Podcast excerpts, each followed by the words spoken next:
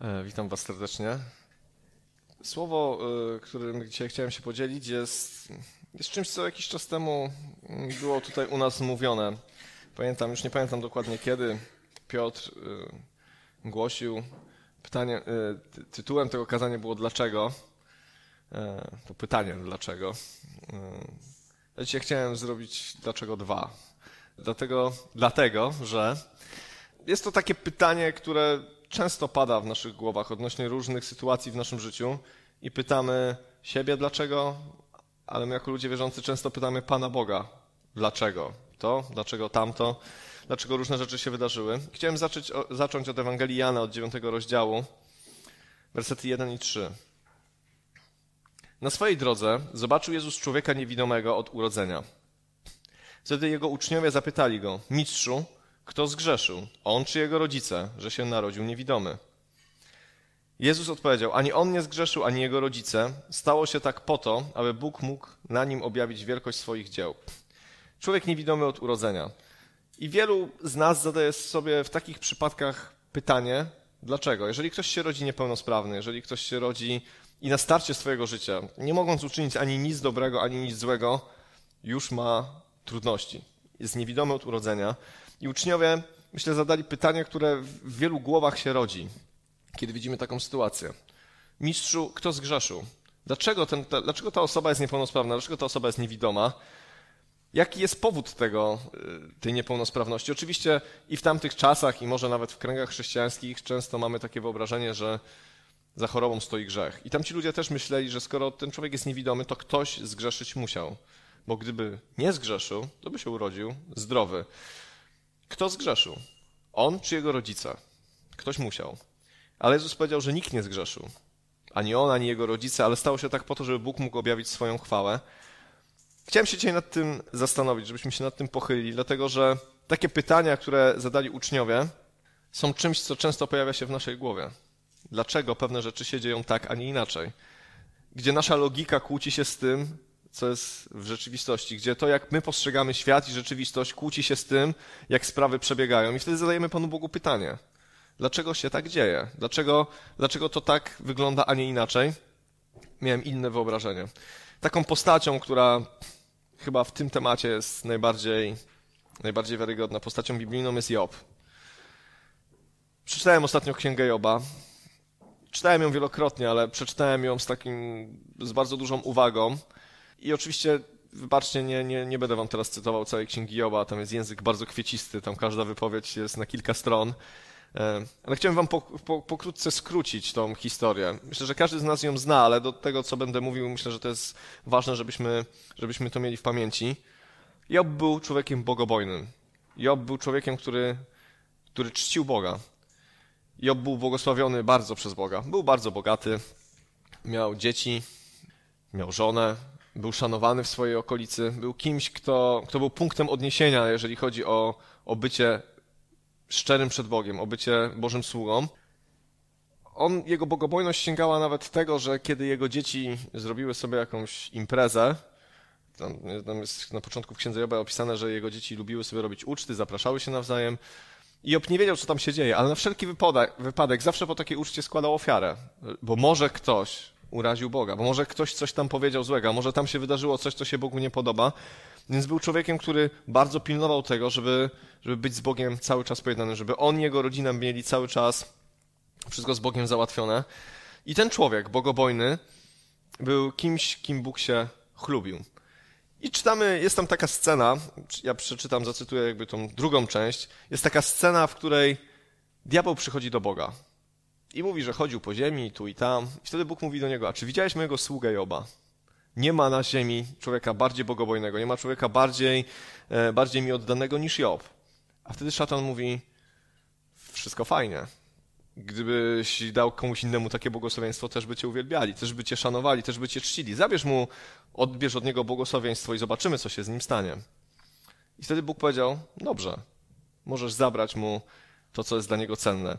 I wtedy czytamy w księdze Joba, że w ciągu jednego dnia spadły na niego wszystkie możliwe, najstraszniejsze rzeczy, czyli jego dzieci zostały zamordowane, wszystkie jego stada zostały porwane, stracone i z dnia na dzień stał się, stał się z wielkiego bogacza stał się totalnie nikim. Z jej rodziny została mu tylko żona. I wtedy Job powiedział takie słowa do swojej żony. Czy mamy chwalić Boga tylko wtedy, kiedy otrzymujemy od Niego błogosławieństwo? Ale czy wtedy, kiedy dzieje się nie tak, jakbyśmy chcieli, to mamy już Go przeklinać? Nie, wtedy też trzeba oddać chwałę Bogu. A później czytamy historię i to już chciałem przeczytać. Księga Joba, drugi rozdział od pierwszego wersetu. Czyli Job stracił wszystko oprócz zdrowia. Potem znów nastał dzień, w którym synowie Boży przyszli, by stawić się przed Panem. Szatan był wśród nich. On również przyszedł, by się przed nim stawić. Skąd przybywasz? zapytał go Pan. Właśnie krążyłem po ziemi, opowiedział szatan. Przechadzałem się to tu, to tam. A czy zwróciłeś uwagę na mojego sługę Joba? Zapytał dalej Pan. Nie ma na ziemi drugiego takiego jak on. To człowiek nienaganny i prawy, żyjący w bojaźni Bożej i stroniący od zła. Nawet utwierdził się w swojej nienaganności. Podburzyłeś mnie, abym go aby go zniszczyć, jak widać bez powodu. A szatan odpowiedział Panu. A cóż to była za próba? Przecież przeżył. Za życie człowieka, człowiek odda wszystko. Spróbuj tylko wyciągnąć rękę i odebrać mu zdrowie. Zobaczymy, jak cię będzie błogosławił. Wtedy Pan powiedział do szatana, oto jest w twojej mocy, tylko nie pozbawiaj go życia. Szatan odszedł więc przed oblicza Pana i odebrał Jobowi zdrowie. Od stóp do głów pojawiły się na jego ciele straszne wrzody. Historia dziwna, wymykająca się naszemu postrzeganiu relacji Bóg-szatan. Szatan przyszedł do Boga wśród, e, wśród synów Bożych. Rozmawiał z Bogiem, oskarżał ludzi, w tym wypadku Joba. E, I widzimy, że, że Pan Bóg był dumny z Joba, że mimo tego, że szatan zabrał, jakby pozwolił zabrać szatanowi wszystko, to on i tak utwierdził się w swojej nienaganności. Ale szatan przychodzi i mówi, cóż to była za próba? To nic, stracić dzieci, stracić dorobek swojego życia, stracić pozycję, zabierz mu zdrowie, dotknij się jego ciała i wtedy zobaczymy, jak będzie ci błogosławił. I całe ciało Joba pokryło się wrzodami, całe to musiało być straszne. Czytamy o tym, że Job usiadł w popiele, wziął jakąś skorupkę i się po prostu drapał. I jego żona nawet przyszła do niego i powiedziała, złożecz Bogu i umrzyj, bo to życie, które masz, jest tragiczne. I to jest początek tej historii. To jest początek tej historii. Ale Job nie wiedział, co się wydarzyło w niebie. Job nie znał pierwszego rozdziału Księgi Joba. Job nie wiedział, że przyszedł szatan do diabła i nie znał tego dialogu, nie znał opinii, nie znał świadectwa, który, które Bóg wydał o Jobie, Job zobaczył swoją sytuację. Chciałbym, żebyśmy teraz zamienili się na chwilę w Joba, żebyśmy zaczęli postrzegać świat jego oczami. Jest bogobojny. Całe życie poświęcił, żeby Bogu się podobać. Robił wszystko. Kiedy później czytamy w jednym z ostatnich rozdziałów, kiedy Job podsumowuje swoje życie, to mówi, że troszczył się o każdą wdowę, o każdą sierotę. Nigdy nie, nie pozwolił, żeby jakiś gość odszedł od niego głodny, zawsze udzielał swojego domu, zawsze udzielał ze swojego bogactwa. Był człowiekiem, który był szanowany ze względu na swoją bogobojność. Był kimś, kto, kto nie zostawiał ludzi w potrzebie, kto troszczył się o swoje dzieci, o swoją rodzinę i nagle w przeciągu krótkiej chwili traci wszystko. Traci absolutnie wszystko. I zadaje sobie pytanie: dlaczego? Co się wydarzyło? nie zna pierwszego rozdziału. I czytamy o tym, że przychodzą jego trzej przyjaciele. Najpierw, widząc jego nędzę, siedzą z nim siedem dni. Nie odzywają się, nic nie mówią. Kiedy widzą, jak bardzo jest zniszczony, jak widzą, jak bardzo, jak bardzo cierpi, nie są w stanie nic przez siedem dni powiedzieć. Dopiero po siedmiu dniach zaczynają z nim rozmawiać i tylko streszcza. Robią to, co często robimy my. Szukają powodu swoim intelektem, swoim rozumem, szukają powodu, dlaczego tak się wydarzyło. Jobie, my ci wytłumaczymy, dlaczego tak jest. Pocieszymy cię, ale damy ci od razu dobrą radę. I co mu sugerują? Wszyscy trzej. Że musiałeś gdzieś zgrzeszyć. Że musiałeś zrobić coś złego. Że musiałeś gdzieś upaść. Że musiałeś jakoś nagiąć Boże przykazania. Dlaczego? Dlatego, że ludziom wierzącym, ludziom bogobojnym takie rzeczy się nie dzieją. To jest niemożliwe. Takie rzeczy nie mogą się wydarzyć. Gdybyś był bogobojny, nie siedziałbyś teraz w prochu i w popiele i nie skrobałbyś swoich wrzodów skorupką, a twoje dzieci by żyły. Ale prawdopodobnie zrobiłeś coś złego. I Job za każdym razem mi odpowiada, dlaczego mnie gnębicie? Dlaczego mówicie mi takie straszne rzeczy? Nie zrobiłem nic złego. Jestem bogobojny. Byłem sprawiedliwy. Nie przekroczyłem Bożych przykazań. A im bardziej im to mówi, tym oni bardziej się wściekają i wymyślają mu kolejne rzeczy, które, w których mówią niemożliwe, że, że jesteś bogobojny. złorzeczysz Bogu, bluźnisz. Nikt, żaden człowiek nie może powiedzieć, że jest sprawiedliwy przed Bogiem. Ta rozmowa trwa ileś rozdziałów, ale jakie jest serce Joba w tym wszystkim? Job czuje się skrzywdzony. Job czuje, mówi prawdę, bo był sprawiedliwy. Pan Bóg wydał o nim takie świadectwo, był sprawiedliwy. Nie było męża na ziemi wtedy bardziej sprawiedliwego niż Job. Ale jak dokładnie wczytamy się w te wypowiedzi Joba, bardzo długie, kwieciste, dlatego nie będę ich cytował, Job zwątpił w Bożą, w Bożą dobroć. Job zwątpił w to, że Pan Bóg nagradza tych, którzy mu służą. Job zwątpił w to, że bycie posłusznym Bogu niesie korzyści. Job w pewnym momencie nawet mówi, że spójrzcie na świat, ile jest ludzi złych, którym, którzy mają błogosławieństwo, ile jest ludzi, którzy robią złe rzeczy, którzy wykorzystują, krzywdzą, kradną i oszukują, ale jednak umierają w starości i nic im się nie dzieje. Job zaczyna wątpić w Bożą, w Bożą dobroć w swoim życiu i to, czego oczekuje od Boga, to rozmowy. Chce, chce sprawiedliwości od Boga. Dopomina jej się cały czas, ale wie, że umrze. Nie oczekuje już niczego dobrego, tylko czeka na śmierć. Modli się o śmierć. Mówi, że przeklęty dzień, w którym się urodziłem, strasznie biadoli nad tym wszystkim i powiem szczerze, że miał nad czym biadolić, bo kiedy popatrzymy na skalę jego nieszczęścia, ciężko mi sobie wyobrazić coś, coś gorszego. Obstawiał, że Bóg chce go zniszczyć. Tam toczą się, te, toczą się te rozmowy, ale w końcu interweniuje Bóg. W końcu interweniuje Bóg. 38 rozdział. Od pierwszego do piątego wersetu czytamy tak. Wtedy Pan odpowiedział Jobowi spośród wichru słowami. Któż to zaciemnia mój plan nierozumnymi słowami? Przepasz jak mężczyzna swoje biodra, będę cię pytał, a ty mnie pouczysz. Gdy byłe, gdzie byłeś, gdy, posta, gdzie posado, gdy przepraszam, posadowiłem ziemię? Powiedz, jeśli to wiesz i rozumiesz. Kto wyznaczył jej rozmiary, czy wiesz? Albo kto rozciągnął nad nią sznur mierniczy? I przez, przez kolejne dwie strony czytamy, że Pan Bóg zadaje Jobowi pytania. Gdzie byłeś? Czy jesteś w stanie zaprogramować, jak się rozradzają zwierzęta? Czy jesteś w stanie zrobić cokolwiek, co ja zrobiłem? Gdzie jest ten człowiek, który zaciemnia mój plan swoimi słowami? Kiedy, kiedy czytam historię Joba, a może jeszcze przeczytam, przepraszam, zaraz, zaraz to skomentuję, 42 rozdział od drugiego wersetu. Po tej całej wypowiedzi Boga Job mówi tak. Wiem, że ty możesz wszystko i żaden twój zamysł nie jest dla ciebie zbyt trudny. Zapytałeś, kim jest ten, który zaciemnia mój plan, nie mając o nim pojęcia.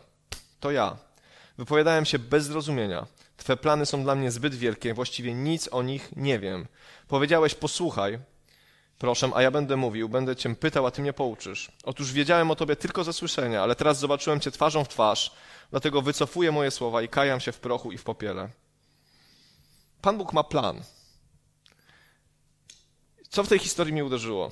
Że my jako ludzie postrzegamy swoją rzeczywistość po ludzku. Patrzymy na swój ból i na swój cierpienie, widzimy, widzimy nasze życie, nasze niedomagania, nasze sukcesy, widzimy swoje starania, widzimy wszystko, co jest z nas, ale jesteśmy ludźmi. Jesteśmy ludźmi. Cała ta księga pokazuje nam to, że jesteśmy ludźmi. Jakkolwiek mielibyśmy argumenty, jakkolwiek byśmy po ludzku oceniali swoją rzeczywistość, nie przystaje to do Boga, bo Bóg jest wielki, bo Bóg jest potężny, bo Bóg jest absolutnie ponad nami. Ma plan, którego nie znamy. I to, co się wydarzyło w życiu Joba, jak, jak byście określili? Czy to było sprawiedliwe? Czy ludzkimi kategoriami to, co się wydarzyło w życiu Joba, było sprawiedliwe? Nie było. Naszymi kategoriami nie było. Bo nasze kategorie są takie: służę Bogu, dzieje mi się dobrze. Pan Bóg mnie nagradza. Będzie zawsze wspaniale.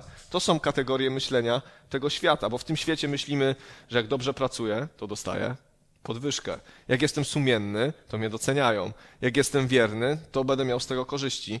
To jest myślenie, w którym funkcjonujemy i żyjemy. Ale Pan miał, ale Bóg miał plan. Bóg ma swój plan. Jest większy niż my i ma swój plan. Czy w jakimkolwiek momencie Bóg przestał kochać Joba? Nie. Ale jaki Pan Bóg miał plan dla Joba? Taki, jak czytaliśmy w Ewangeliana. Stało się tak po to, aby Bóg mógł objawić na nim wielkość swoich dzieł. Stało się tak, żeby Pan Bóg mógł objawić wielkość swoich dzieł. I kiedy myślę sobie o byciu człowiekiem wierzącym i o byciu chrześcijaninem, nie wiem, czy można tak jeszcze mówić, o byciu człowiekiem wierzącym, to to, to widzę jedną rzecz, która, która, jest, która nam umyka. Że to, że stajemy się dziećmi Bożymi, niesie za sobą duży ciężar gatunkowy. Sprawia, że nasze życie staje się Jego. Często deklarujemy: Oddaję Ci moje życie, rób z nim co chcesz. Rób z nim co chcesz. W głowie mamy: Zrób z nim co chcesz, ale dobrego. Rób z nim wszystko to, co sprawi mi przyjemność i moje życie będzie lepsze. Ale kiedy czytam Księgę Joba, ona wywraca takie, takie myślenie i taką Ewangelię. Ona pokazuje, że Pan Bóg tych, których kocha, wykorzystuje na swoją chwałę. Żeby objawić swoją chwałę, nie opuszcza ich i ich nie zostawia. Czy Job miał depresję? Miał na pewno. Czy Job, nie wiem, czy miał myśli samobójcze, ale na pewno marzył o śmierci. On chciał umrzeć. On, on myślał, że w jego życiu już nie będzie nic dobrego, nic ciekawego. Nic już się nie wydarzy. Wszystko, co było dobre, już zniknęło i miał pretensje do Boga, dlaczego to zniknęło? Co ja takiego złego zrobiłem? Przyjdź i mi powiedz. Zarzucał Bogu, że jest niesprawiedliwy. Zarzucał Bogu, że Bóg go skrzywdził. I po ludzku patrząc, jest to prawda, ale kiedy Bóg mu się objawił, kiedy Bóg mu wytłumaczył, kiedy Bóg mu powiedział, pokazał mu, kim jest, jak jest wielki i potężny, Job powiedział, w ogóle cię nie znałem. Przestrzegałem zasad. Robiłem rzeczy, które się tobie podobały. Byłem sprawiedliwy, ale w ogóle cię nie znałem. Teraz cię poznałem. W moim bólu i w cierpieniu, w tym wszystkim, co się wydarzyło, kiedy, kiedy tak ciężko mnie doświadczyłeś, poznałem ciebie. Jak, jaką Pan Bóg miał z tego korzyść? Okazało się, że są ludzie, którzy mimo bólu i cierpienia, którzy mimo zadawania sobie pytania dlaczego, są w stanie wytrwać do końca. Czy on zgrzeszył swoimi słowami? Tak, bo Pan Bóg go upomniał, bo Pan Bóg go skarcił, ale on wytrwał. On nie powiedział, Bóg jest zły. On powiedział, Bóg jest dobry i sprawiedliwy. Ja nie rozumiem, czemu mnie to spotyka. Ta historia pokazuje, że są ludzie, którzy są w stanie wytrwać przy Bogu, pomimo różnych trudnych rzeczy. I ta historia mówi o tym, że każdy Twój zamysł jest dla mnie zbyt trudny. Wypowiadałem się bez, bez, wypowiadałem się bez zrozumienia. Twe plany są dla mnie zbyt wielkie. Właściwie nic o nich nie wiem. Właściwie nic o nich nie wiem. Nie wiem, jak macie wy w swoim życiu, ale ja lubię wiedzieć, co się wydarzy jutro. I pojutrze, i za tydzień. Daje mi to duży komfort. Chcę wiedzieć, co się wydarzy w moim życiu. Mam swoje plany, swoje marzenia, niezbyt rozbudowane, ale jakieś mam mniej więcej wyobrażam sobie, co będzie jutro i co będzie pojutrze, jak spędzę kolejny tydzień, nawet jak spędzę kolejny rok. To są moje plany. Ja je rozumiem, bo one wyszły z mojej głowy i z mojego serca, z tego, co przeżywam i co jest we mnie. Ale Pan Bóg ma swoje plany i swoje drogi. I my nie zawsze musimy je rozumieć. Nie zawsze jesteśmy w stanie je ogarnąć. Kiedy apostołowie zobaczyli człowieka niewidomego, powiedzieli, od razu postawili diagnozę. Ktoś tu musiał zgrzeszyć. Musimy rozwiązać tą zagadkę. Musimy rozwikłać, dlaczego jest tak źle. Ktoś zgrzeszył, poszukajmy kto. Poszukajmy winnego. Lecz powiedział, nikt nie zgrzeszył. Jest jakiś Boży plan. Dlatego człowieka niewidomego w Ewangelii Jana był Boży plan. Pan Bóg dzięki niemu objawił swoją chwałę.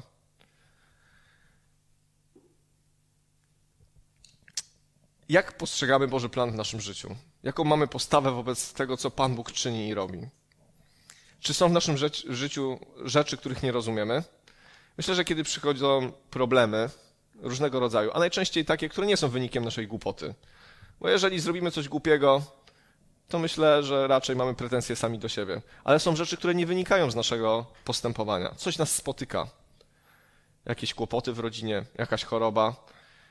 I stajemy przed Bogiem i mówimy: Dlaczego? Dlaczego tak się wydarzyło? Nie powinno tak być przez ileś lat słuchałem o błogosławieństwie w kościele, o tym, że będzie dobrze, że jak będę ci posłuszny, to będę czerpał z tego korzyści. A tu po iluś latach nie ma korzyści, jest ból, są pytania. Dobrze, y, list do Hebrajczyków. List do Hebrajczyków w 11 rozdziale mówi o bohaterach wiary. Mówi o, mówi o Abrahamie, mówi o Izaaku, mówi o Jakubie, mówi o Dawidzie, mówi o Mojżeszu, E, mówi o tych, którzy w potężny sposób byli używani przez Boga i wykazali się, wykazali się wielką odwagą. Ale od 32, roz... 32 wersetu czytamy tak. List do Hebrajczyków, 11 rozdział, 32. I co mam jeszcze powiedzieć? Zabrakłoby mi czasu na opowiadanie o Gedeonie, Baraku, Samsonie, Jeftem, Dawidzie, Samuelu i o prorokach. Dzięki wierze pokonali oni królestwa, zaprowadzili sprawiedliwość, doczekali spełnienia obietnic, zamknęli paszczę zgasili moc ognia, uniknęli ostrza miecza, wydźwignęli się z niemocy, stali się mężni na wojnie, zmusili do odwrotu obce wojska. Amen? Chcielibyśmy tak? Chcielibyśmy. Tutaj nieliczni mówią, że chcieliby. Znaczy nieliczni dlatego, że jest ich tu mało. Kobiety otrzymały swoich zmarłych przez wskrzeszenie. Inni natomiast zostali zamęczeni, nie przyjąwszy uwolnienia, aby dostąpić lepszego zmartwychwstania. Drudzy z kolei doznali zniewag i biczowania, zakuwano ich w kajdany i więziono. Byli kamienowani, przerzynani piłą, zabijani mieczem, błąkali się w owczych i w kozich skórach, pozbawieni wszystkiego, uciskani, poniewierani. Ci, których świat nie był godzien, tułali się po pustyniach i górach, po jaskiniach i rozpadlinach ziemi. Bohaterowie wiary, ci wymienieni z imienia, znamy ich historię, ale byli inni bohaterowie wiary, nie wymienieni z imienia, bo było ich zbyt dużo. Były ich miliony w historii świata, którzy doznawali zniewagi biczowania, zakuwano ich w kajdany i więziono. Dlaczego o tym mówię? Dlatego, że mamy swoje oczekiwania wobec Boga. Mamy swoje plany wobec Boga. Mamy swoje poukładane życie i chcielibyśmy, żeby Pan Bóg pokierował naszym życiem tak, jakbyśmy chcieli. Jeżeli mówię za Was, to mi wybaczcie, generalizuję. Ja często tak mam. Mam oczekiwania. I powiem szczerze, że jak miałbym identyfikować się z jakimiś fragmentami i coś bym chciał, to bym chciał raczej tą pierwszą część 11 rozdziału. Chciałbym zmusić obce wojska do ucieczki. Chciałbym widzieć zmartwychwstania. Chciałbym zgasić moc ognia. Chciałbym doczekać spełnienia obietnic. Chciałbym tego wszystkiego doświadczyć. Ale istnieje pewne ryzyko w pójściu za Chrystusem. Dosyć poważne ryzyko. Myślę, że każdy chrześcijanin, który idzie za Chrystusem i robi to świadomie, widzi je, ale, ale bierze to. To jest ryzyko drugiej części tego rozdziału. To są zniewagi, biczowania, nie wiem, czy przeżywanie, przeżynanie piłą, tego się raczej nie da przeżyć. Się przeżywa raz. Te wszystkie rzeczy, błąkanie się, pozbawieni wszystkiego, uciskani, poniewierani. Czy w kategoriach tego świata, mówiąc o tych ludziach, powiedzielibyśmy, że skończyli dobrze czy źle? O tych drugich oczywiście mówię, o tych przeżywanych piłą i zabijanych, i tych, którzy się błąkają. To jest sukces czy porażka? Porażka. Straszna porażka. Ale jakimi kategoriami mierzymy ten sukces i porażkę? Jakimi kategoriami? Jeżeli jesteśmy wbici w myślenie, w którym myśli ten świat o sukcesie, to to jest porażka. To to jest porażka. To, że się w owczych skórzach poniewierasz po górach, chowasz się w jaskiniach, to jest porażka. Że giniesz, to jest porażka. A powiedzcie mi, Jan Chrzciciel, Zwycięstwo czy porażka? 30 lat. I umarł. A był największym w Starym Testamencie. I umarł w bardzo głupi sposób. Wiecie, gdyby jakoś widowiskowo, bohatersko, ale była uczta. Ktoś się upił, ktoś chlapnął coś głupiego. I konsekwencją było to, że przyniesiono na, na misie głowę Jana Chrzciciela. To był koniec wielkiego proroka. W kategoriach ludzkich zwycięstwo czy porażka? No straszna porażka. W wieku 30 lat tyle mógł jeszcze dobrego zrobić, niektórzy by powiedzieli. A Jakub, brat Jana. Kojarzycie Jakuba, brata Jana? Boenerges, ten, który zrzucał ogień z nieba. Drugi czy trzeci rozdział dziejów apostolskich. Herod go ściął. Porażka, umrzeć na początku dziejów apostolskich. Jeszcze się dobrze wszystko nie rozkręciło. On już zginął. Już go nie było. A król Jozjasz, wielki reformator, który zrobił wielkie rzeczy. W wieku 38 lat zginął w bitwie pod Megido. Po prostu zginął, a mógł jeszcze tyle dobrego zrobić.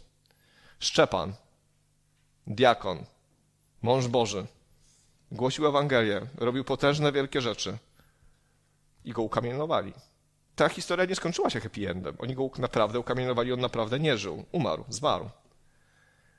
I uwaga, Jezus, 33 lata,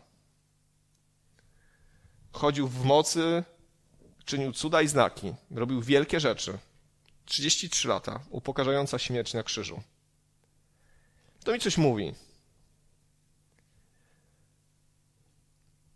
To mi coś mówi. W 35 wersecie czytamy tak, że ci ludzie, inni natomiast zostali zamęczeni, nie przyjąwszy uwolnienia, aby dostąpić lepszego zmartwychwstania. Dostąpić lepszego zmartwychwstania. A w 39 i 40 wersecie czytamy tak. A wszyscy oni, choć dzięki swej wierze zdobyli uznanie, nie otrzymali tego, co głosiła obietnica. 40. Bóg bowiem ze względu na nas przewidział coś lepszego. Coś lepszego. To znaczy, by doprowadzić ich do doskonałości wraz z nami. Lepsze zmartwychwstanie. A Bóg przewidział coś lepszego. Ci wypisałem sobie w głowie taki pojedynek. Dobre kontra lepsze. Co jest dobre w naszym życiu? Rodzina jest dobra, praca jest dobra, sukces zawodowy, pieniądze. Jak umiemy z tego korzystać? Dobre. Wiele rzeczy jest dobrych. Służba jest dobra. Jest wiele rzeczy dobrych w naszym życiu. Ja już nie mówię o rzeczach złych, ale o dobrych. Jednak jako ludzie wierzący na dobre rzeczy poświęcamy większość naszego czasu. Pasjonujemy się większość naszego czasu rzeczami dobrymi. Naszą rodziną, pracą, służbą. Robimy wiele rzeczy dobrych dla Boga. Ale jest coś lepszego. Jest takie powiedzenie, że dobre jest często wrogiem lepszego. Ci ludzie, którzy nie przyjęli uwolnienia, ci ludzie, którzy, którzy oddali swoje życie, wybrali coś lepszego, lepsze zmartwychwstanie. Wiecie, ja mówię o tym i będę mówił o tym z uporem maniaka, dopóki Pan Bóg mi pozwoli tu stać. Jest coś lepszego niż życie na ziemi. To jest treść przesłania, które mówił Jezus. Ja wyganiam demony. Jezus mówił, ja wyganiam demony, ja uzdrawiam, ale przyszedłem dać wam zbawienie, życie wieczne. Prawda jest taka, że prędzej czy później każdy z nas umrze. Nie wiem, czy myślicie o tym. To jest jedyna stuprocentowa statystyka. Oprócz Eliasza i Henocha, wszyscy umarli. I my też kiedyś umrzemy. Ja wiem, że teraz chrześcijanie się pasjonują dyskusjami o szczepionkach i o innych rzeczach i wypisują tam w internecie straszne rzeczy. Nie można tego już czytać. Nieważne, jakie mamy zdanie na ten temat. Ale my tak naprawdę, jako chrześcijanie, mamy lek na to wszystko. My ludziom możemy przyjść i powiedzieć, jest życie wieczne, jest coś lepszego. Człowieku, jest coś lepszego niż życie tu na ziemi, bo ono się kiedyś skończy. I twoje pieniądze, i twoja kariera, i twój ból, i twoje cierpienia, i twoje porażki, to się kiedyś wszystko skończy. Jest coś lepszego. Jest coś, za co warto umrzeć. Jest coś, za co umarły miliony ludzi. Kiedy czytamy historię Kościoła, to widzimy, że to nie są pojedyncze przypadki. Kiedy zachce nam się poczytać coś innego e, niż jakieś wiadomości, to widzimy, że na świecie giną ludzie, giną chrześcijanie, którzy umierają za Chrystusa. Dlaczego? Bo mają objawione, mają w sercu, że jest coś lepszego niż życie. Jest coś lepszego. Myślę, że Jezus za każdym razem mówił, że jest coś lepszego niż to, co na ziemi. Ale diabeł za każdym razem przychodzi i mówi nam, że nie ma nic lepszego niż tutaj na ziemi. Wieczność, jak będziesz leżał na łożu śmierci, to się zastanowisz. To wtedy może się nawrócisz. Za dużo cię kosztuje życie z Bogiem, za dużo trzeba oddać. Ale Jezus powiedział, że jest coś lepszego, że jest wieczność z Chrystusem. I oczywiście te dobre rzeczy, praca, rodzina, rozwój, komfort, cokolwiek sobie wyobrazimy, one są dobre. One są dobre. Ale jak pokochamy to bardziej, to nie będziemy w stanie się rozstać z tym, kiedy przyjdzie moment. Wiecie, dlaczego o tym mówię? Też dlatego, że kiedy widzę, co się dzieje na świecie, to mam takie wrażenie, że nasza bezpieczna Europa zachodnia, zachodni świat, zaczyna doświadczać tego, co doświadczają chrześcijanie w innych rejonach świata. I zaczniemy tego doświadczać. Jest takie myślenie, nikt nam dzisiaj nie przedstawia broni do głowy i nie mówi, jesteś chrześcijaninem czy nie. I oczywiście możemy dywagować, jak się zachowamy, kiedy ktoś nam przedstawi. Większość z nas powie, no nie, no przecież nie wyprę Jezusa. Nie wiem, może się mylę, ale wydaje mi się, jeżeli dzisiaj nie potrafimy stanąć za Chrystusem w małych rzeczach, jakoś nie wydaje mi się, przepraszam was szczerze, jakoś mi się nie wydaje, że mając broń przy głowie, albo widząc jakąś, nie wiem, jakąś straszną poniewierkę powiemy nie, bo jeżeli kochamy, jeżeli kochamy te rzeczy, te dobre rzeczy, ja cały czas podkreślam, są dobre rzeczy, z których powinniśmy robić dobry użytek, ale jeżeli kochamy je bardziej niż Chrystusa, to w pewnym momencie wybierzemy je, a nie Chrystusa. Nie będzie o nas w drugiej części 11 rozdziału, że nie odpuściliśmy, że nie zapłaciliśmy cenę. Będziemy tymi, którzy wybiorą wygodę i komfort przez chwilę na ziemi. Przez chwilę na ziemi. Dlaczego ci ludzie to robili? Dlaczego ludzie są w stanie robić takie rzeczy dla Chrystusa? To mnie zawsze zastanawia. Jezus, kiedy był w ogrodzie, Ewangelia Łukasza, 22 rozdział, 42 werset, powiedział tak. Wszyscy to znamy. Ojcze, jeżeli chcesz, oddal ode mnie ten kielich. Jednak nie moja wola, ale Twoja niech się stanie. Jezus wiedział, co go czeka. I on tego nie chciał. Nie chciał cierpieć na krzyżu. Po prostu nie chciał. Ale nie moja wola, ale Twoja niech się stanie. Kiedy deklarujemy, że stajemy się dziećmi Bożymi, kiedy mówimy, że idziemy za Nim, to mówimy nie moja wola, ale Twoja niech się stanie. Ale problem jest taki, że my nie zawsze dokładnie znamy Boże plany. Nie zawsze wiemy, co się wydarzy jutro. Nie zawsze wiemy, jak się potoczy nasze życie. I nie wiem, czy, i powiem Wam szczerze, że nie wiem, czy Bóg jest zobowiązany nam mówić o tym, co się wydarzy. To są Jego plany. My deklarujemy swoje oddanie. My deklarujemy swoje posłuszeństwo. My deklarujemy, że idziemy z Nim. Jeżeli to nie są tylko kościelne zwyczaje, to idzie za tym coś więcej. Gotowość na poświęcenie. Gotowość na oddanie czegoś, co co jest dla mnie drogocenne. Gotowość na to, żeby pójść za nim wtedy, kiedy rzeczywiście będzie to sprzeczne z logiką.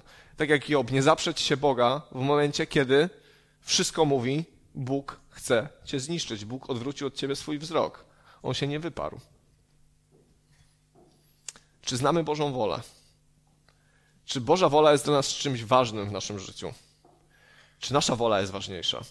Wiecie, to jest dramatyczne, ale, ale, ale to się często zdarza że w moim życiu, że mam, żyję sobie z Bogiem, ale też żyję swoim życiem.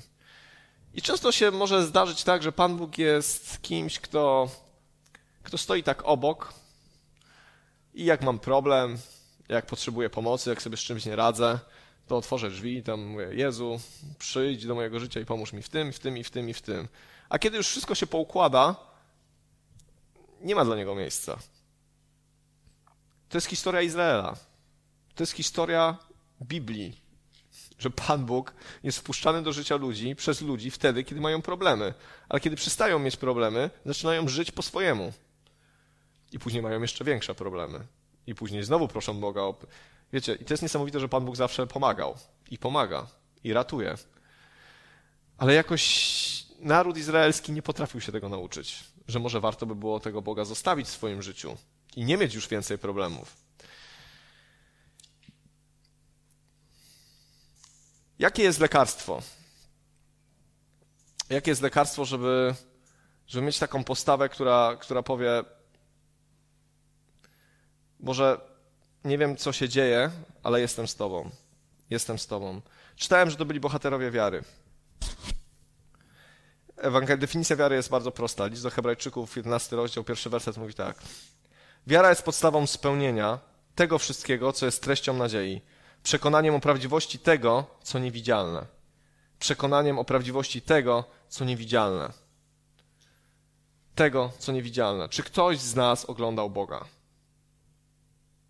Tak twarzą w twarz. Nikt. Raczej. Nikt z nas nie oglądał Boga. Przekonaniem o tym, co niewidzialne. My nie jesteśmy w stanie pewnych rzeczy do zobaczyć. Nasz intelekt chciałby wszystkiego dotknąć i wszystkiego zrozumieć. Chcielibyśmy mieć odpowiedź na każde pytanie. Chciałbym mieć odpowiedź na pytanie, dlaczego choruję i kiedy to się skończy. Uwierzcie mi, bardzo chciałbym mieć odpowiedź na to pytanie. Ale jak jej nie mam, to co? To co dalej? Czy wezmę przez wiarę to Boże obietnice i będę w nich trwał, czy będę Bogu wiecznie zadawał pytanie, dlaczego? Pytanie, dlaczego w, niektórych, w niektórym kontekście jest aktem niewiary. Dlatego, że jeżeli wierzę w to głęboko, kim jest Bóg, doświadczyłem Jego miłości, doświadczyłem przebaczenia grzechów, doświadczyłem Jego opieki, doświadczyłem Jego mocy i są w moim, rzecz, w moim życiu rzeczy, których nie rozumiem, to w czym stanę? To co dla mnie będzie ważniejsze? Czy to kim On jest, chociaż Go nie widzę? Może chociaż Go czasami nie czuję, tak jak śpiewamy? Może czasami nie rozumiem nawet, co On robi? To czy zaufam Jemu? Czy jednak pozwolę, żeby mój intelekt, mój, mój rozum, moja wiedza, moja dedukcja, cokolwiek mojego, przejęło kontrolę i ja sam będę dochodził sprawiedliwości. Ja sam będę szukał, dlaczego tak się wydarzyło. Bo wiecie, wiara wtedy, kiedy wszystko jest dobrze, nie jest żadną wiarą. Wiara zaczyna się objawiać wtedy, kiedy jest właśnie nie tak, jakbyśmy chcieli. Kiedy jest coś, co jest dla nas trudne i skomplikowane. Kiedy stoisz przed chorobą, kiedy stoisz przed problemami, kiedy stoisz przed różnego rodzaju rzeczami, które przekraczają Twoje zdolności, wtedy pojawia się wiara. Albo okazuje się, że jej nie ma. I nie taka wiara skomplikowana, intelektualna. Myślę, że brakuje nam czasami takiej prostej wiary. Na czym polega prosta wiara? Możemy wchodzić w skomplikowane meandry siania i zbierania, y, wszystkich jakichś takich mechanizmów, które są w Królestwie Bożym, ale nie o tym dzisiaj chciałem mówić. Chciałem mówić o tej prostej wierze, którą mieli ludzie, którzy oddają życie za Chrystusa. Bo żeby oddać życie za Chrystusa, musisz mieć wielkie przekonanie, głębokie przekonanie, że jest coś lepszego, że jest coś lepszego niż życie na ziemi. Kościół nigdy nie będzie kościołem dziejów apostolskich, skoro będzie myślał, że tu na ziemi jest wszystko co najlepsze. Nie ma. Najlepsze jest to, co nas czeka z Chrystusem w wieczności. I najlepsze, co nas może spotkać, to spotkanie z Chrystusem. Tu są rzeczy dobre. Tu są rzeczy dobre. Tu Pan Bóg może działać, ale to, co najlepsze, to, co wspaniałe, to, co godne, żeby za to umrzeć, czeka nas po śmierci. I może nie jest to popularne. Jesteśmy, nie wiem, tutaj na sali widzę osoby, wszystkie osoby są młode. Wszyscy jesteśmy młodzi. I nie za bardzo myślimy o śmierci, nie jest to coś, co mówimy, wow, fajnie, pomyślę sobie o śmierci. Ale młodzi i starzy, bogaci i biedni, przez 2000 lat, odkąd powstał Kościół, musieli podejmować decyzje, co jest w ich życiu ważniejsze. Czy bogactwa, sława, pieniądze, cokolwiek, czy Chrystus. I przez 2000 lat byli ludzie, którzy umierali na arenach, byli paleni na stosach, byli tym, o czym tutaj czytamy, bezimienni bohaterowie, którzy, którzy ginęli. Czy oni byli lepsi od nas? Czy byli gorsi od nas? Czy byli gorszymi chrześcijanami dlatego, że nie mieli, powiemy, że nie byli błogosławieni? Bo umarł na stosie, nie był błogosławiony? Szczepan nie był błogosławiony, bo go ukamienowani? Wiecie, mówię o tym, że potrzebujemy zmiany myślenia. Potrzebujemy zmiany myślenia. Zmiany myślenia o tym, co Chrystus dla nas zrobił. Tak, Chrystus się troszczy o nas na ziemi. Tak, zapewnia, błogosławi nam, jest z nami, ale nie znamy Bożych ścieżek i nie wiemy, kiedy przyjdzie moment, w którym będziemy musieli wybrać między dobrym a lepszym. I nie wiesz, kiedy to będzie. Ale może to się wydarzyć. Ostatecznie każdego dnia musimy wybrać, co nas motywuje do życia z Chrystusem. Nie mówię o piekle, nie mówię o strachu przed potępieniem. Myślę, że dla ludzi wierzących to nie jest najlepsza motywacja. Bo jeżeli motywacją dla nas nie jest spotkanie z Chrystusem i wieczność i radość z Nim, to piekło nas też nie przerazi. To piekło też nie będzie niczym przerażającym. Skoro Boża obecność jest czymś, co można to mieć, albo można tego nie mieć, to piekło nie wydaje się być straszne. Wiecie, ludzie sobie żartują z piekła, że będą sobie tam grilla robić, jakieś różne głupoty nie wyobrażają sobie, jak wielkie cierpienie i co znaczy być odłączonym od Boga. Co znaczy wieczność bez, bez dobra? Dobrze, miało nie być o piekle, nie rozmawiamy o piekle. Ale czy na co dzień wierzymy głęboko w to, że jesteśmy powołani do czegoś zdecydowanie lepszego, że Chrystus przyszedł dać nam zbawienie, tu na ziemi i wieczności? Czy mamy tą myśl, przeżywając trudne rzeczy, że idziemy do Niego, że nieważne ile to potrwa, finał jest dobry, finał jest piękny, finał życia każdego chrześcijanina jest najpiękniejszą rzeczą na świecie. To jest spotkanie z Chrystusem. To jest wieczny pokój, wieczna radość. Nie lubię gloryfikowania cierpienia. Nie lubię, nie lubię chełpienia się cierpieniem. Nie lubię epatowania tym, że jest, że jest komuś źle. Nie o to chodzi. Ale życie człowieka na ziemi składa się z cierpienia. Jest to nie, nieodłączny element naszego życia.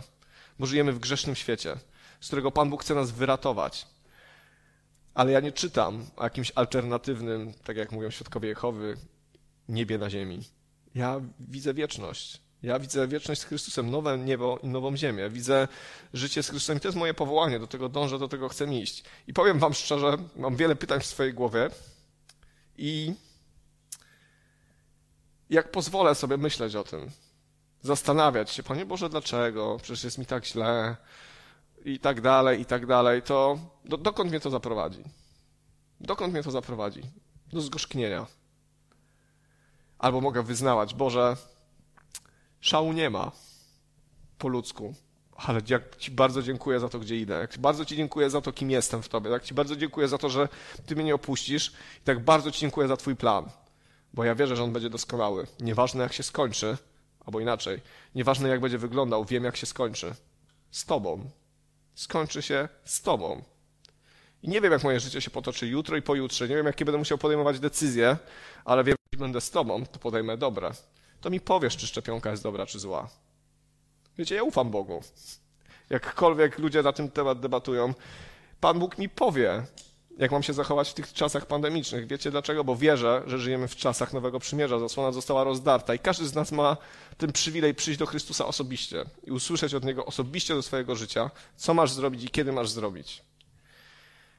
Ale jak zdamy się na swój plan, na swój intelekt, na swoje rozumowa, rozum, rozumowe układanie wszystkiego, możemy się minąć z tym, co Pan Bóg ma dla nas.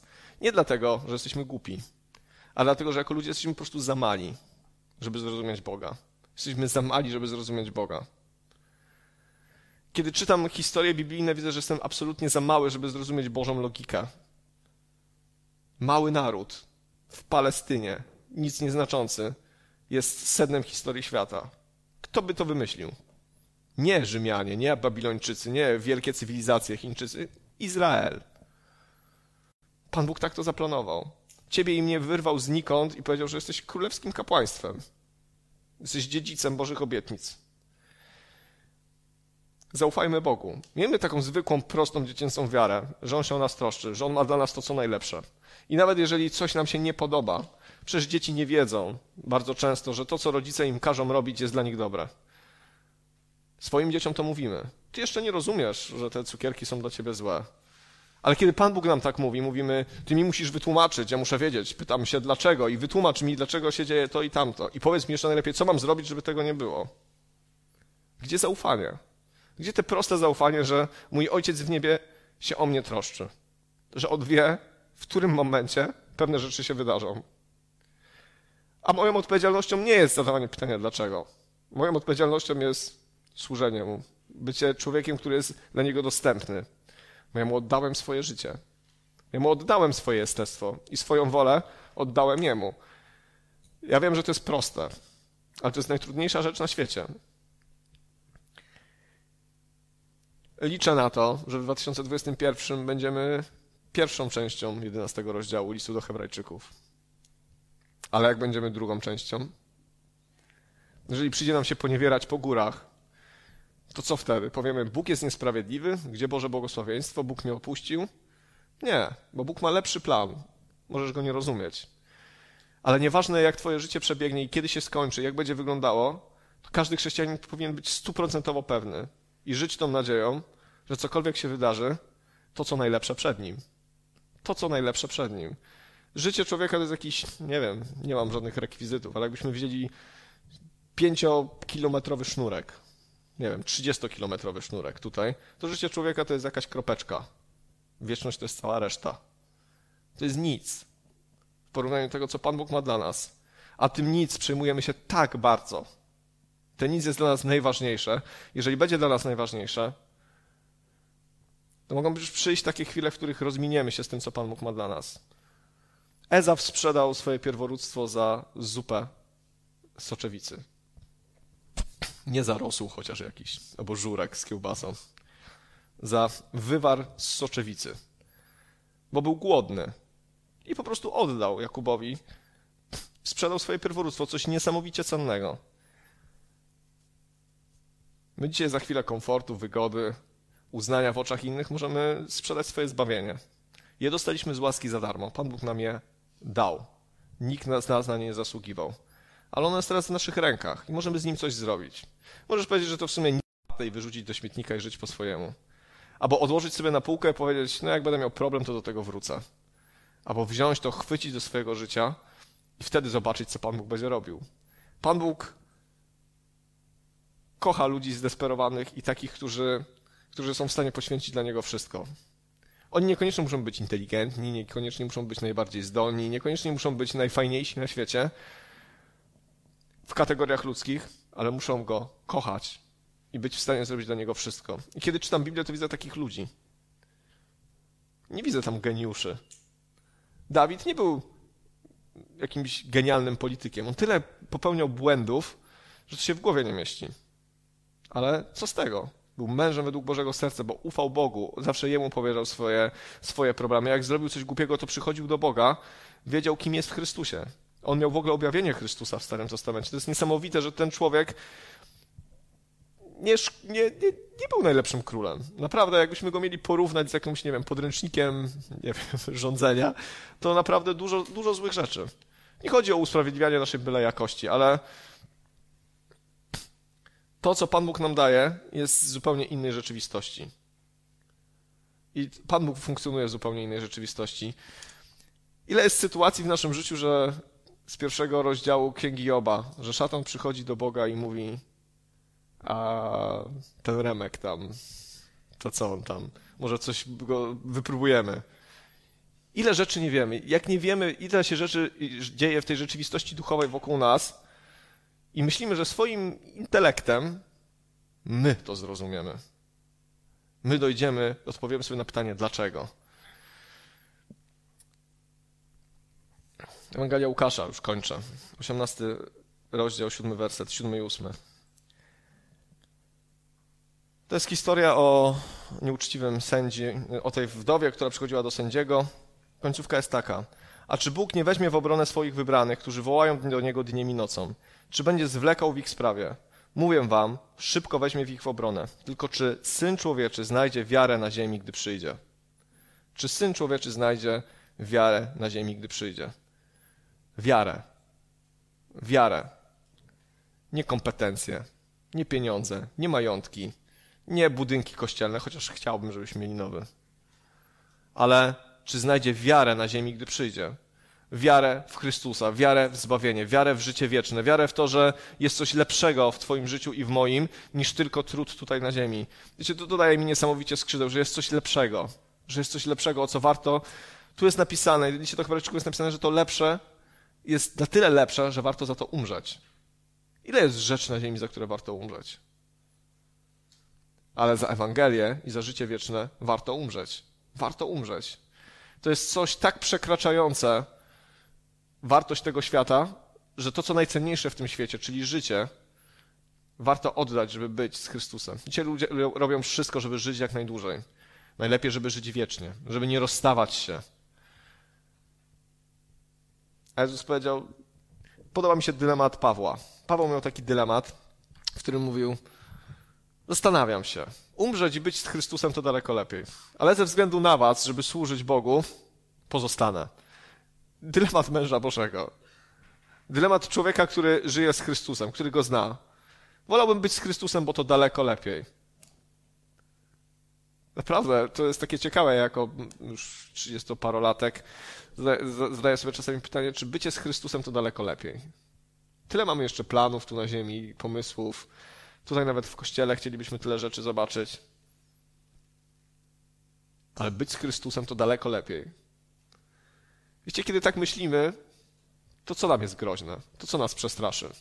Jeżeli daleko lepsze jest życie z Chrystusem, lepsze, lepsze jest bycie z Nim, lepsza jest wieczność, to co w tym życiu będzie dla nas przerażającego? Że nas zabiją? No to, to, to dobrze. To będziemy z Chrystusem.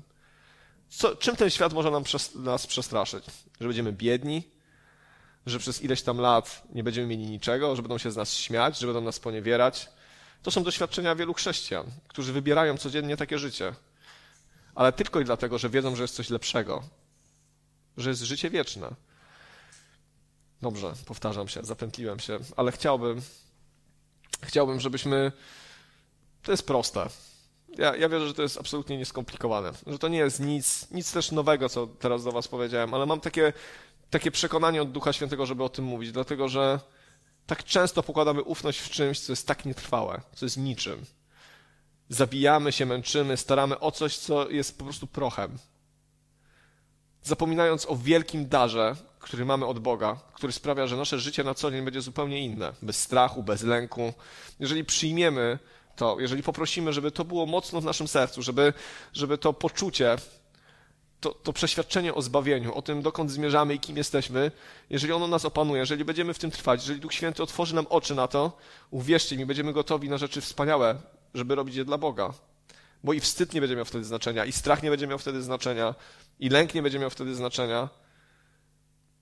Bo jeżeli wiem, kim jestem i dokąd idę i wiem, jaka czeka mnie nagroda jak bardzo jest to wartościowe, to naprawdę wtedy nie trzeba kalkulować. Nie trzeba kalkulować. I modlę się o to i ja mam takie przekonanie, żeby o tym mówić, dlatego że nie, nie wiem, nie mam jakiegoś proroczego objawienia, co się będzie działo w najbliższym czasie. Ale czytając różnego rodzaju informacje, widzę, że ten świat się zmienia bardzo mocno. Coś się zaczęło dziać. I co to będzie, jaki będzie tego efekt, i czym jesteśmy tym pokoleniem, które będzie doświadczać, nie wiem, doświadczy przyjścia Jezusa Chrystusa?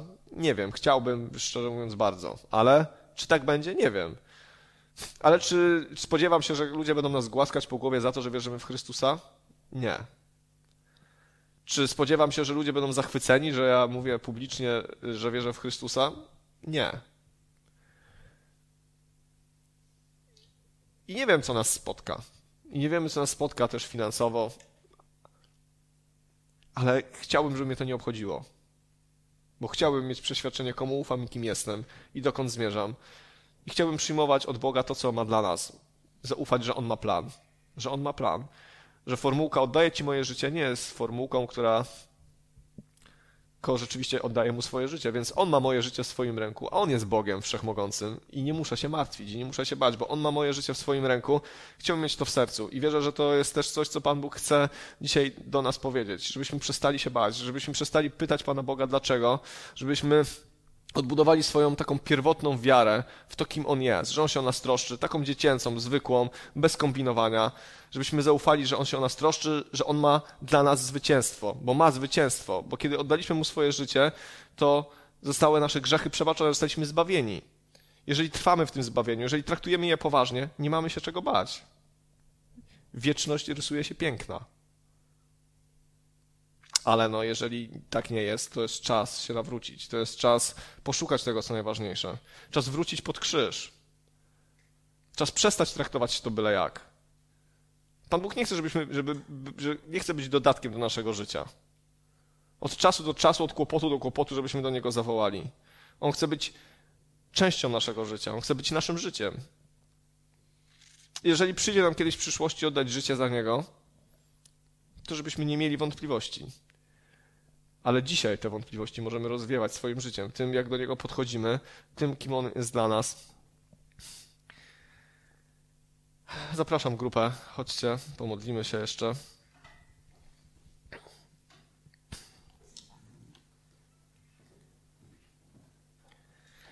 Myślę, że dzisiaj wielu z nas może sta, być w takim stanie, w którym pytamy Pana Boga, Dlaczego? Dlaczego czegoś nie mam? Albo dlaczego mam coś, czego bym nie chciał mieć? Dlaczego moje życie nie wygląda tak, jak ja sobie tego wyobrażam? Dlaczego spotykają mnie takie ciężkie rzeczy? I, i możesz zadawać to pytanie. Ale dzisiaj chciałbym Cię zachęcić do tego, żebyś przeszedł ponad tym pytaniem i oddał Bogu chwałę. I powiedział: Ty masz plan. Ty jesteś Zbawicielem. Ty jesteś tym, który mnie kocha i oddał za mnie swoje życie. Oddaję Ci moje życie i moje problemy. I oddaję Ci moje pytania dlaczego. I Ty wypełnij swoją wolę. Ja chcę żyć dla Ciebie. Niezależnie od tego, co się wydarzy. Czy będzie dobrze, czy źle. Chcę Cię kochać i chcę Ci służyć. To jest nasza decyzja. To jest nasza decyzja, to się nie stanie samo. Dlatego chciałbym Cię zachęcić do tego, żebyś otworzył swoje serce, żebyś otworzył swoje serce i dzisiaj zawołał do Boga i powiedział, że jesteś większy niż cokolwiek i kocham Ciebie bardziej niż te rzeczy, które mnie martwią, które są trudne. Kocham Ciebie bardziej może niż to, co mogę osiągnąć i kim być. Kocham Ciebie bardziej. Boże, przychodzimy dzisiaj do Ciebie Przychodzimy dzisiaj do Ciebie, Boże, i wołamy do Ciebie, Boże. Ty znasz nasze życie. Ty widzisz, co przeżywamy, Panie. Widzisz wiele naszych problemów, takich problemów, które nas przerastają i, i płaczemy po nocach, Boże, i Ty to widzisz. Ty znasz nasze łzy, Boże, i nasze pytania, ale przychodzimy dzisiaj do Ciebie dlatego, że ty jesteś naszym Bogiem, Panie. Jesteś naszym Zbawicielem, Boże. I tak jak Job, możemy powiedzieć, Twoje drogi są dla nas bardzo często nieznane, Panie. Bardzo często nie wiemy, co czynisz i dlaczego czynisz, Boże. Ale nie chcemy zwątpić w Twoją dobroć, Panie. Nie chcemy zwątpić w to, że Ty nigdy nie tracisz kontroli nad naszym życiem, Panie. Dziękuję Ci za to, Panie, że Ty nas pilnujesz, Panie. Ty nas prowadzisz, Boże, do tego, żebyśmy byli wiecznie z Tobą, Panie. To jest cel naszego życia, Panie. To jest cel naszego funkcjonowania, Boże. Żeby pewnego dnia stanąć przed Tobą, Boże, i żeby nie było już żadnego problemu, Panie. Żadnego lęku, żadnego strachu, Panie. Po prostu będziemy Twoi, Boże. Dziękuję Ci za to, że mogę żyć tą nadzieją, że mogę oczekiwać tego, że to się wydarzy, że to rozpala moje życie tutaj na ziemi, Boże, że, że dodaje mi sił, Boże, żeby robić każdy kolejny krok, Boże do Ciebie, dlatego że Ty masz dla mnie coś tak wspaniałego i pięknego, Panie. Dziękuję Ci za to. Dziękuję Ci za to, że cokolwiek się będzie działo w moim życiu, Boże, to jestem Twój. To jestem Twój, Panie, i nic mnie nie wyrwie z Twojej ręki, Boże. Tobie zaufałem. Tobie zaufaliśmy, Boże, i wierzymy, że będziesz nas prowadził. Panie, proszę Cię o każdą osobę teraz i błogosławię, Boże, która, która gdzieś tam zmaga się z takimi rzeczami, Panie. Proszę Cię o Twoje objawienie, Panie. Proszę Cię, żebyś Ty się objawił, Boże, tak jak Jobowi, Panie. Żeby każda z tych osób mogła powiedzieć, wcześniej Cię nie znałem, Boże, ale teraz zobaczyłem Cię twarzą w twarz i już nie dyskutuję. Już nie dyskutuję, już nie pytam. Po prostu chcę Ci służyć i być Tobie posłusznym, Panie. Błogosławię, Panie, w imieniu Jezusa Chrystusa.